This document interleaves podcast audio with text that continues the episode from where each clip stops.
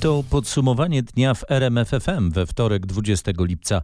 Hasło kluczowe dnia to ultimatum Unii wobec Polski. Grzegorz Jasiński, zapraszam. Komisja Europejska stawia Polsce ultimatum w sprawie dotyczącej wykonania orzeczenia Trybunału Sprawiedliwości Unii Europejskiej na temat funkcjonowania Izby Dyscyplinarnej Sądu Najwyższego. Przypomnę, w ubiegłym tygodniu TSUE uznał, że system odpowiedzialności dyscyplinarnej sędziów w Polsce nie jest zgodny z prawem unijnym. Komisja wysłała do Polski list, w którym czytamy, że nasz kraj musi zastosować się do wyroku TSUE do 16 sierpnia. A jeżeli Polska nie wykona decyzji TSUE w sprawie środków tymczasowych 14 lipca, czyli nie zawiesi całkowicie działania Izby Dyscyplinarnej Sądu Najwyższego, to komisja będzie wnioskować do TSUE o kary finansowe. A przypomnę, że Polski Trybunał Konstytucyjny stwierdził tego samego dnia, 14 lipca, że środki tymczasowe nakładane przez TSUE są niezgodne z konstytucją polską. Władze Izby Dyscyplinarnej także powiedziały, że Izba będzie nadal działać. To ultimatum Komisji Europejskiej dotyczy także wyroku CUE z 15 lipca w sprawie systemu dyscyplinującego sędziów. Komisja Europejska także w tej sprawie zapowiedziała, że wystąpi o kary, jeżeli Polska się nie dostosuje. Komisarz do spraw praworządności Wiera Jourowa powtórzyła, że prawo unijne ma prymat nad prawem krajowym. Chodzi o to, żeby unijni obywatele i firmy były w ten sam sposób chronione we wszystkich krajach Unii. Kiedy i jakich kar możemy się spodziewać? O Polsce przede wszystkim grożą dwie różne kary. Y, jedna za niewykonanie postanowienia CUE o środkach tymczasowych dotyczących zamrożenia Izby Dyscyplinarnej, a druga kara za niewykonanie orzeczenia CUE o systemie dyscyplinującym sędziów. Y, tej drugiej kary można się spodziewać dopiero za kilkanaście miesięcy, bo jest to normalna procedura. Najpierw część pisemna, potem rozprawa, potem y, opinia rzecznika CUE i w końcu wyrok. Tę karę wyliczy Komisja Europejska na podstawie obiektywnych kryteriów, weźmie pod uwagę możliwości płatnicze Polski, czas trwania naruszenia unijnego prawa i wagę tego naruszenia. Natomiast o wiele szybciej, nawet we wrześniu, e, może zostać nałożona na Polskę kara za niewykonanie środków tymczasowych, czyli właśnie tych dotyczących Izby Dyscyplinarnej. W przypadku Puszczy Białowieskiej komisja zapowiedziała, że wystąpi o co najmniej 100 tysięcy euro dziennych kar, a niedawno Czechy w sprawie Turowa wnioskowały o 5 milionów euro. To dwie sprawy, jedyne w kwestii niewykonania środków tymczasowych, gdzie pojawiły się zapowiedzi kar. Kary, jak powiedział mi mój rozmówca w Komisji Europejskiej, mają mieć funkcję odstraszającą, więc jego zdaniem będzie to więcej niż 100 tysięcy euro dziennie. Informuje nasza korespondentka Katarzyna Szymańska-Borginią. Jest pierwszy komentarz rzecznika rządu do ultimatum Brukseli. Polski rząd dokona analizy dokumentów przedstawionych przez Komisję Europejską. Polska, podobnie jak inne kraje Unii, podkreśla konieczność przestrzegania przepisów unijnych traktatów. Określają one wprost, które kompetencje są przekazane Unii, a które pozostają wyłącznymi kompetencjami krajów, napisał na Twitterze Piotr Miller. Miller zaznaczył, że obowiązujące w Polsce rozwiązania prawne są podobne do tych istniejących w innych krajach Unii. Podejmiemy właściwy dialog z Komisją Europejską, wyjaśniając istotę różnicy zdań w tym zakresie, napisał rzecznik rządu. Komisja Europejska działa w złej wierze z naruszeniem norm traktatów oraz ignorując polski porządek konstytucyjny. Dalsze zapraszanie do rozmów to legitymizacja tych działań, odpowiedział na Twitterze wiceminister sprawiedliwości Sebastian Kaleta. Obowiązek szczepień dla nauczycieli, czy zakaz wejścia do restauracji, kina, czy na basen dla osób niezaszczepionych to niewykluczone. Między innymi takie są rekomendacje Rady Medycznej przy premierze. Doradcy medyczni szefa rządu proponują radykalne działania, by uniknąć czwartej fali pandemii koronawirusa. Wciąż zbyt mało osób się zaszczepiło.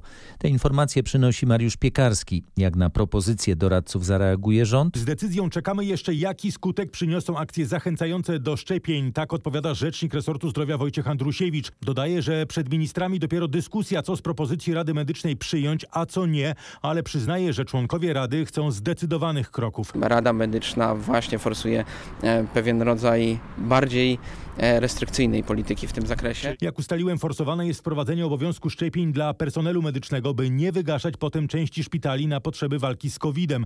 Część Rady Medycznej chce wprowadzenia obowiązku szczepień także dla nauczycieli, by zminimalizować ryzyko zamykania szkół i edukacji zdalnej. Rada Medyczna wyklucza lockdown i zamykanie gospodarki, ale w zamian proponuje wprowadzenie ograniczeń dla osób niezaszczepionych, by do kina, restauracji, na basen mogli wejść wyłącznie zaszczepieni. Rząd już w przyszłym tygodniu może odsprzedać 4 miliony dawek szczepionki przeciwko koronawirusowi. Na liście zainteresowanych najpierw Ukraina i kraje bałkańskie, w sumie 26 państw. Zamówienia sięgają 40 milionów dawek. Które szczepionki odsprzedajemy? Te z najkrótszym terminem ważności, które przy obecnym tempie szczepień, spadającym niestety, mogłyby nie zostać użyte, dlatego szybko, nawet w ciągu kilku dni, sprzedać możemy to, co leży w magazynach Agencji Rezerw Materiałowych. To nawet 4 miliony dawek. Jeżeli będziemy czekali ze szczepionkami w magazynach, to trzeba będzie te szczepionki utylizować. Tak mówi rzecznik resortu zdrowia. Jak ustaliłem, nie będziemy sprzedawać tylko jednodawkowego preparatu Johnson Johnson, bo jest najłatwiejszy w użyciu i ma najdłuższy okres przydatności. Sprzedamy więc zarówno preparat AstraZeneca, Moderny i Pfizera, w zależności o jaki preparat wnioskowały dane kraje. Chęć odkupienia od nas szczepionek zgłosiło 26 krajów na łącznie ponad 40 milionów dawek. Nie zarobimy na tym jednak. Nikt nie może zarobić na szczepionkach przeciwko COVID-owi, my odsprzedajemy je po cenie kupna. Urzędnicy zapewniają, że szczepionek w Polsce mimo sprzedaży nie zabraknie, bo zamówionych mamy ponad 100 milionów dawek, a dostawy są zaplanowane do końca pierwszego kwartału przyszłego roku. Warszawa, Mariusz Piekarski. Prawie 800 osób zaszczepiono przeciwko COVID-19 podczas specjalnej akcji zorganizowanej w niedzielę przy kościołach na Podhalu. Punkty szczepień rozstawiono w sześciu miejscowościach, w których do tej pory zaszczepiło się najmniej mieszkańców.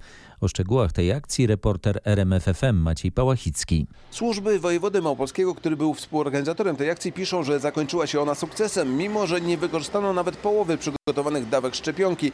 Najwięcej osób, bo 250, zostało zaszczepionych w Czarnym Dunajcu, najmniej po 55 w Białym Dunajcu i Zębie. Zdecydowanie więcej chętnych do szczepienia było w trzech miejscowościach powiatu nowotarskiego, Czarnym Dunajcu, Lipnicy Wielkiej i Szaflarach. W sumie 569 osób, znacznie mniej w trzech miejscowościach powiatu taczeńskiego, Białym Dunajcu, Bukowinie Tatrzańskiej i Zębie, zaledwie 230. Niestety nie wiadomo ilu wśród zaszczepionych było przyjezdnych, a na Podhalu jest teraz sporo turystów. Dziś w Polsce potwierdzono 104 nowe zakażenia koronawirusem.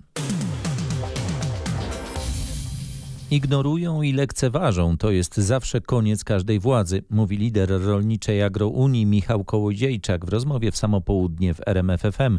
Rolnicy wśród głównych zarzutów wobec rządu wymieniają nieskuteczną walkę z afrykańskim pomorem świń. Dziś rano w proteście zablokowali drogę krajową numer 91 koło Srocka w Łódzkiem. Na godzinę upadają trzy gospodarstwa, które y, zajmują się produkcją trzody i tak jest w każdym sektorze. Podupadamy. Na nas zarabiają pośrednicy, na nas zarabiają zagraniczne korporacje. To one przejmują dzisiaj produkcję zwierzęcą w Polsce, to one przejmują produkcję roślinną, uzależniają od tego wszystko, a politycy udają, że problemów nie ma. Nawet jeżeli część zarzutów rolników jest uzasadniona, to sam protest jest wykorzystywany do celów politycznych. Tak poranną blokadę rolników komentuje były minister rolnictwa Jan Krzysztof Ardanowski. Kierownictwo Agrounii, chcąc wejść trochę w buty kiedyś samoobrony, próbuje no, poprzez rozchwianie emocji społecznych również doprowadzić do jakiegoś wzrostu własnej popularności. Przypomnę, Ardanowski w wyniku konfliktu z kierownictwem PiSu wokół piątki dla zwierząt stracił funkcję szefa resortu rolnictwa. W partii pozostał, ale z części krytyki pod adresem rządu się nie wycofuje. Te obecne działania Prawa i Sprawiedliwości są dość chaotyczne i one właściwie nie wiem, czy wynikają z konsekwencji nacisków ze strony y, Unii Europejskiej, Komisji Europejskiej, choćby założeń Zielonego Ładu. Komentował były minister rolnictwa. Pad w rozmowach dotyczących Polskiego Ładu między Prawem i Sprawiedliwością a koalicyjnym porozumieniem. Mimo zapowiedzi liderzy ugrupowań nadal się nie spotkali. Co różni sojuszników ze Zjednoczonej Prawicy? Niezmiennie są to propozycje podatkowe, szczególnie zmiany w składce zdrowotnej. Porozumienie dąży do tego, by szeroko rozumiana klasa średnia nie została obarczona kosztami rozwiązań z Polskiego Ładu. Relacje między koalicjantami są jednak na tyle napięte, że politykom nadal nie udało się spotkać.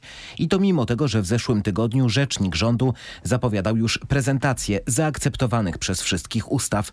W tym tygodniu nie ustalono nawet terminu spotkania liderów. Czekamy na, y, na rozstrzygnięcia. Tak czasem bywa tak w polityce, że cierpliwość również jest takim bardzo pożądaną cechą. Komentowała enigmatycznie rzeczniczka PiSu Anita Czerwińska. Partia twierdzi, że przesyła porozumieniu kolejne propozycje kompromisowych rozwiązań, na które ugrupowanie Gowina ma nie odpowiadać. Informuje nasz reporter Roch Kowalski. Listę 357 nazwisk kolegów, znajomych i krewnych polityków PiSu zasiadających w spółkach Skarbu Państwa upublicznia Polskie Stronnictwo Ludowe.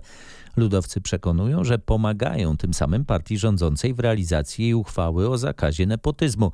Jak tłumaczy wicemarszałek Piotr Zgorzelski, działania zatrudnionych po znajomości często odbijają się negatywnie na stanie przedsiębiorstw. Będziemy się domagali wyjaśnień, czy y, stosowanie zasady zamiast fachowców dajemy pisowców nie odbija się na wartości spółek Skarbu Państwa. Od przyjęcia partyjnej uchwały minęły już ponad dwa tygodnie, a skala zapowiadanych zwolnień jest niewystarczająca, twierdzą politycy opozycji.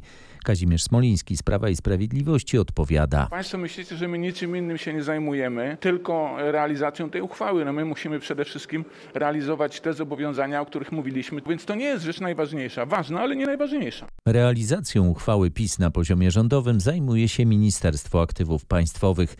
W Sejmie ruszyły prace nad prezydenckim projektem ustawy w sprawie odbudowy Pałacu Saskiego, Pałacu Brilla oraz kamienic przy ulicy Królewskiej w Warszawie.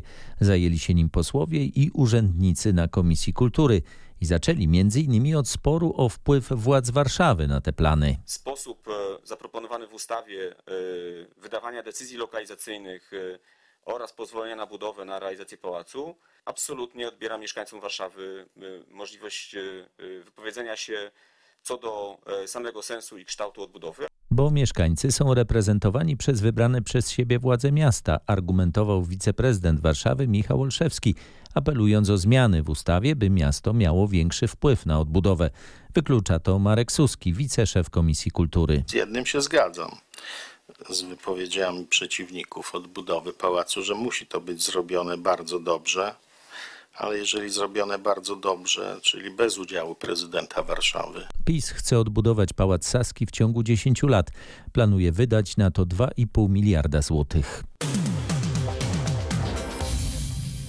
Trwa usuwanie skutków weekendowych nawałnic w gminie Myślenice. Z soboty na niedzielę zalanych zostało w Głogoczowie i Krzyszkowicach kilkadziesiąt budynków.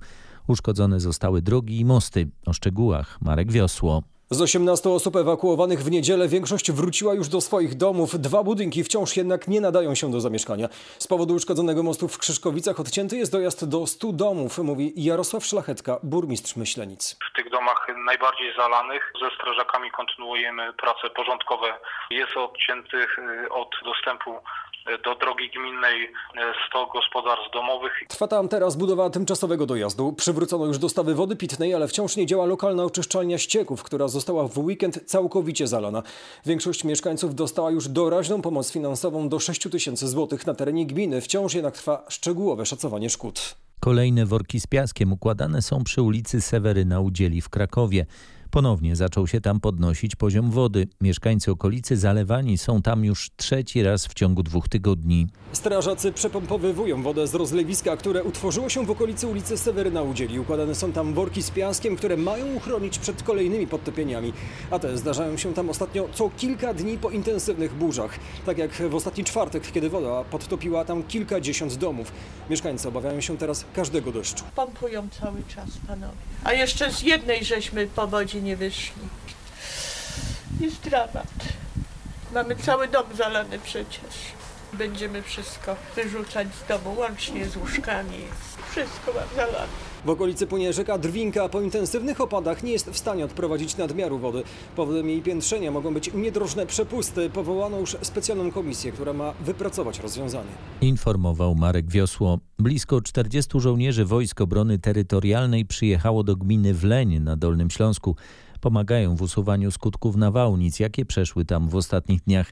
Czym dokładnie się zajmują? Czyszczą przepusty wodne, pomagają mieszkańcom doprowadzić ich domy do porządku i oczyszczają drogi. Takie zadania mają w trzech miejscowościach. To Pilchowice, Strzyżowiec i Nielestno. W ciągu 10 dni gmina Wleń cztery razy walczyła z tak zwaną powodzią błyskawiczną. W dwie godziny potrafiło tam spaść tyle deszczu, ile normalnie w ciągu dwóch miesięcy. Burmistrz mówi o wielomilionowych stratach, które nadal są szacowane. Zalanych zostało 35 domów, uszkodzeniu uległo kilkanaście mostków prowadzących do posesji i dwie drogi. W najbliższych dniach gmina ma przekazać poszkodowanym pomoc finansową z Urzędu Wojewódzkiego to kwoty do 6 tysięcy złotych. Relacjonował Paweł Pyclik. Przez trudniejszy dostęp do lekarzy specjalistów w czasie pandemii w Polsce rozpoznano nawet o 20% mniej nowotworów. To wniosek z raportu zaprezentowanego dziś przez Narodowy Instytut Onkologii, w przypadku których nowotworów problem jest największy i co lekarze radzą pacjentom? Na dziś największe opóźnienia w diagnostyce dotyczą nowotworów jelita grubego i szyjki macicy. To, jak przewiduje dyrektor Narodowego Instytutu Onkologii profesor Jan Walewski, może przełożyć się na wzrost liczby chorych na raka w Polsce. Ten efekt prawdopodobnie będzie polegał na tym, że będzie więcej pacjentów z zaawansowaną chorobą, a więc mniej takich, którym można zaoferować od razu radykalne leczenie. Wobec tego onkolodzy zachęcają, żeby ponownie zgłaszać się na badania profilaktyczne, takie jak cytologia czy kolonoskopia i zapewniają, że cała diagnostyka odbywa się zgodnie z reżimem sanitarnym, a zdecydowana większość personelu w szpitalach onkologicznych jest zaszczepiona przeciw COVID-19. Informuje nasz reporter Michał Dobrołowicz. Szpitalny oddział ratunkowy w Wojewódzkim Szpitalu Specjalistycznym imienia Marciniaka we Wrocławiu ograniczył działalność.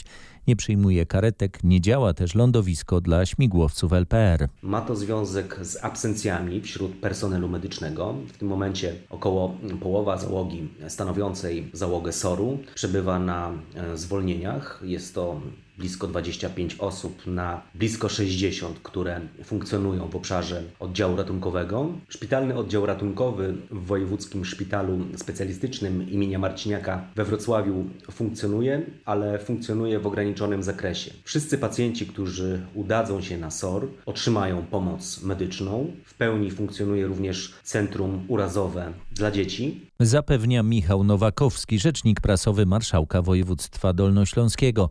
15 milionów złotych na pokrycie zobowiązań dostanie od samorządu województwa śląskiego Wojewódzki Szpital Specjalistyczny w Rybniku. W kolejnych latach będą też pieniądze na inwestycje.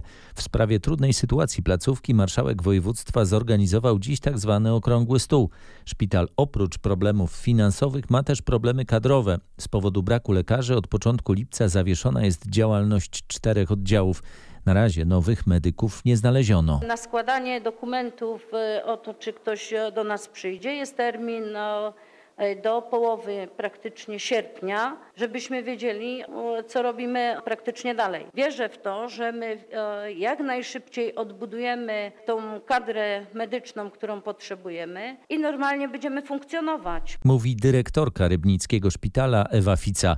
Część lekarzy odeszła z pracy z powodu wypowiedzenia im warunków płac. Nie działają w tej chwili pediatria, interna i laryngologia dla dzieci i dla dorosłych. Misja zakończona sukcesem. Najbogatszy człowiek na świecie, Jeff Bezos, który zapragnął polecieć w kosmos, zrobił dokładnie to, co zapowiedział. Na pokładzie pojazdu New Shepard towarzyszyli mu brat Mark, 82-letnia Wally Funk, wybitna pilotka, która była członkiem kobiecego programu Merkury, ale w kosmos nie poleciała i 18-letni student Oliver Deman, syn właściciela holenderskiej firmy inwestycyjnej. Pionierski lot opisywał nasz amerykański korespondent Paweł Żuchowski. Bo w tej skomplikowanej operacji chodziło i o lądowanie oczywiście kapsuły z pasażerami, ale także rakiety, która w pewnym momencie misji oddzieliła się, opadająca za pomocą spadochronu. Kapsuła z pasażerami powróciła po niecałych 11 minutach lotu. Kamery pokazały zadowolonego Bezosa, twórcę Amazona z kciukiem podniesionym do góry, który spełnił marzenie. Kiedy wyszedł z kapsuły, witał się uśmiechnięty ze współpracownikami oraz przyjaciółmi. Dzisiejszy lot, podobnie jak ten sprzed dziewięciu dni, kiedy na pokładzie pojazdu Virgin Galactic na granicę kosmosu poleciał inny miliarder, Richard Branson, mają otworzyć drogę do upowszechnienia lotów kosmicznych. Czy takie komercyjne loty kosmiczne to jednak dobry pomysł? Z jednej strony się promuje wiedzę o kosmosie. Może więcej osób młodych się zachęci do studiowania inżynierii i związanych z tym dziedzin, fizyki chociażby. Y, obawiam się jedynie, że start rakiety powoduje dość duże zanieczyszczenia na przykład atmosfery i to by trzeba oszacować na ile to jest groźne i na ile na przykład to jest znikome w porównaniu z ogromną ilością lotów samolotowych. Uważam, że ten rozwój lotów komercyjnych to jest też rozwój astronautyki. Czyli dzięki temu, że to rozwijamy, że nie robią to, tego tylko rządowe agencje kosmiczne, ale też firmy, to ogólnie jest postęp w tej dziedzinie, a z punktu widzenia przetrwania ludzkości w bardzo odległej przyszłości ten postęp jest ważny. Mówiła dr Elżbieta Kuligowska z Obserwatorium Astronomicznego Uniwersytetu Jagiellońskiego w Krakowie. W przyszłości turystyka kosmiczna na pewno będzie się rozwijać, ale może to trwać dłużej niż nam się wydaje, mówi astronom dr Leszek Błaszkiewicz z Uniwersytetu Warmińsko-Mazurskiego. Wszystko pięknie wygląda, gdy się o tym opowiada. Te stacje kosmiczne, takie rodem z, z filmu Odyseja Kosmiczna 2001. Zresztą mało kto wspomina, że tego typu pomysły miał już von Braun twórca rakiety Saturn V, jeden z, z, ze współtwórców tego, co dzisiaj rocznicę obchodzimy, czyli lotu i lądowania na Księżycu. Więc to są stare pomysły, one wciąż odżywają. Niestety musimy zdawać sobie sprawę z tego, że te ceny są coraz niższe i te technologie rakietowe są coraz tańsze, to jednak wyniesienie każdego kilograma na orbitę to są naprawdę gigantyczne koszty. No właśnie, dokładnie 52 lata temu pierwszy człowiek stanął na Księżycu.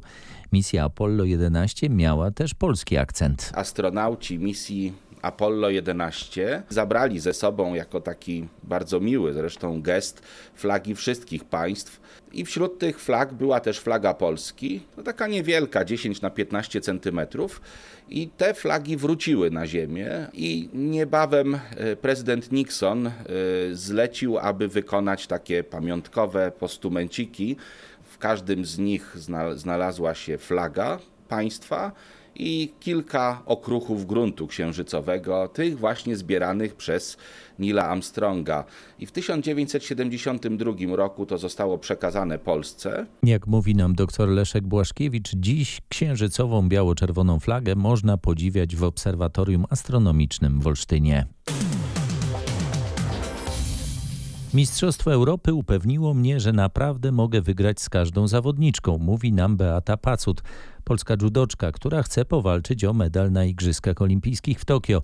Pytanie jednak, czy tytuł europejskiej mistrzyni pozwoli walczyć Polce na światowym i olimpijskim poziomie. Jest to coś, co może nas nakłaniać do tego i myśleć o tym, że jest szansa medalowa, chociaż konkurencja jest bardzo duża. Predyspozycja dnia zdecyduje o tym. No i najważniejsza rzecz, rozstawienie. No niestety Beata nie jest rozstawiona, nie jest w ósemce, jest numerem dziesiątym w tej chwili, więc losowanie zdecyduje też e, dużo, jak się potoczy ten turniej. Mówi jej trener. To będą piąte igrzyska Roberta Krawczyka, drugie w roli trenera. Trzykrotnie był na igrzyskach jako zawodnik, ostatnio jako trener belgijskich judoków.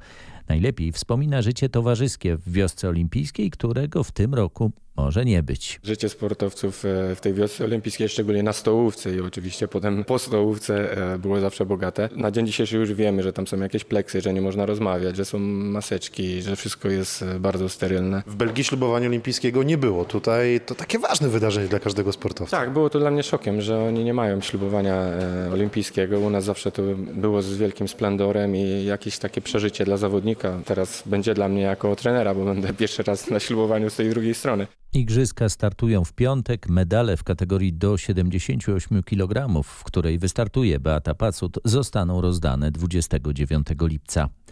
Flora Tallinn gra mniej schematycznie niż nasz poprzedni rywal, mówi trener Legii Warszawa Czesław Michniewicz przed jutrzejszym trzecim już meczem wojskowych w walce o europejskie puchary. Legia po wyeliminowaniu norweskiego Bodo rozpocznie jutro walkę w drugiej rundzie eliminacji Ligi Mistrzów. Rywalem wspomniana estońska Flora, w której grają piłkarze z ekstraklasową przeszłością. Bodo to był zespół, który bazował na ustawieniu 4-3-3, książkowe zachowania zawodników na poszczególnych pozycjach, dużo schematów rozegrania akcji. Flora mniej schematów, więcej indywidualności, przede wszystkim Wasiliew świetnie rozgrywa piłkę, znamy doskonale. Kostie jeszcze grał w Jagiellonii czy w Piaście. Do tego dochodzą dwaj szybcy skrzydłowi, Żejnow i Ojama. Często szukają pojedynków jeden na jeden. Bardzo dobre stałe fragmenty gry. Mówił Michniewicz. Mecz Legia Flora jutro o 21. Rewanż za tydzień w Estonii. Od źródeł do ujścia Wisły trwa specjalna akcja Czysta Wisła Why Not? Eksperci, naukowcy, badacze i aktywiści przepłyną całą królową polskich rzek, by zbadać jej stan. Co kilometr ze specjalnej łodzi laboratoryjnej pobierane będą próbki wody i osadów. Do tej pory Wisła była badana na kilkudziesięciu odcinkach. Nigdy nikt nie zbadał całego odcinka Wisły. My nie dość, że płyniemy z sonarem, który na bieżąco bada e, dno Wisły, to z każdego miejsca, tam jest ponad 800 miejsc, pobieramy próbki, znaczy nie my, tylko Uniwersytet Śląski na bieżąco bada. Takiej analizy nigdy nie było w Polsce przeprowadzanej. Mamy nadzieję, że to jest pierwszy krok do tego, żeby Wisłą rzeczywiście się zająć tak solidnie. Przede wszystkim świadomość tego, skąd się biorą zanieczyszczenia i jakie one są wielkości, myślę, że jest tu znacząca i w momencie, kiedy będziemy mieli dowody na to, będziemy mogli coś z tym zrobić. Mówiła Olga Ślusarczyk z Fundacji Why Not. W wyprawie uczestniczą także badacze z Uniwersytetu Śląskiego w Katowicach. A w Katowicach jest nowe miejsce, które przyciągnie tłumy, szczególnie dzieci w czasie upałów. Na osiedlu Tysiąclecia otwarty dziś został czwarty w mieście wodny plac zabaw. To alternatywa dla tych, którzy nie wyjeżdżają albo po wyjeździe na wakacje chcą bezpiecznie, w fajnym miejscu ochłodzić się, pobrykać w wodzie. Tutaj są do tego warunki. I dlaczego nie wchodzicie do wody? Bo jest za zimno. Bardzo mi się podoba. Bym się chlapała z koleżankami i z kolegami. A dzisiaj nie można? No nie można, szkoda. No bo jest zimno i jest podobno zimna woda. Przyjdziesz tu jeszcze? Tak, przyjdę. Mówili wiceprezydent Katowic Bogumił Sobula i młodzi amatorzy zabaw w wodzie, z którymi rozmawiała Anna Kropaczek. Kiepskie wyniki liczenia kozic w Tatrach. Przyrodnicy po obu stronach Tatr naliczyli ich około 700. To dwa razy mniej niż trzy lata temu. Z powodu przedłużającej się zimy wiosenne liczenie odbyło się dopiero teraz, w lipcu. Jego głównym celem było oszacowanie, ile pojawiło się młodych, tegorocznych kozic. Tego młodego pokolenia jest około 10,2%. Nie jest to stan zadowalający w porównaniu z zeszłym rokiem, gdzie było 16,4 i to był naprawdę bardzo dobry wynik. Jest to troszeczkę niepokojące, zwłaszcza, że ta temperatura faktycznie 7 lipca była bardzo wysoka, już się gdzieś tam kładły po półkach skalnych w cieniu bądź na śniegu. Na pewno to miało swój wpływ. Padł na ładny, słoneczny dzień, ale kolejne liczenie jesienią. Miejmy nadzieję, że uda się. Mówi Jarosław Rabiarz z Tatrzańskiego Parku Narodowego. Pogoda w Tatrach jakoś nie dopasowała się do planów wypoczynkowych turystów. Od wczoraj pada tylko z małymi przerwami. Nasz reporter pytał w Kuźnicach turystów przed dolną stacją kolejki linowej na Kasprowy Wierch, co zamierzają robić w taki deszczowy dzień. Właśnie nie wiemy. Butelkowa. Butelkowa, trzeba do baru. Ale może ona gdzieś na wakacje wyjechała, no bo taki okres teraz Szwecji jest. jest. W Szwecji jest. Tam jest pięknie, tak. Ale dla, Trudno, dzieciaku, no. dla dzieciaków jakąś trzeba rozrywkę. Tak. Papugarnia jest pełna, półtora godziny się czeka. No Chociaż kolejka będzie atrakcja, nie? No przynajmniej do kolejki nie ma kolejki dzisiaj. Nie mamy a widzi pan jak wyglądamy, trzeba dalej chodzić, nie? Co mamy nie zamkniemy się w domu. Jak już żeśmy wyjechali, no to już teraz chodzimy. Korzystać tyle nawet z taką pogodę. Usłyszał od turystów Maciej Pałachicki. Na koniec podsumowania dnia istotne informacje dla mieszkańców Lublina. Od jutra bardzo poważne utrudnienia czekają w Śródmieściu i to zarówno kierowców, jak i korzystających z komunikacji miejskiej. Od świtu przez trzy dni zamknięte będą Aleje Racławickie od Poniatowskiego do Łopacińskiego. Niestety zamknięte będą skrzyżowania z Sowińskiego, Długosza i Łopacińskiego. Jadący z Czechowa nie będą mogli również skorzystać z ulicy Poniatowskiego. Objazdami pojedzie również komunikacja miejska, blisko 20 linii. To będzie potężne zamieszanie. Apelujemy do pasażerów, aby przed wyjściem na przystanek tutaj zorientowali się w jaki sposób, na jakiej trasie będzie kursowała dana linia. Najlepiej zrobić to na stronach ZTM-u, dodaje Monika Fisz z Zarządu Transportu Miejskiego. Jutro od świtu na przystankach będą też pracownicy, którzy w razie potrzeby pokierują pasażerów. Będzie naprawdę ciężko, przewiduje nasz reporter Krzysztof Kot. Tyle na dziś. Na kolejne podsumowanie dnia w RMFFM zapraszam już jutro wieczorem. Grzegorz Jasiński, dziękuję. Dobrej nocy.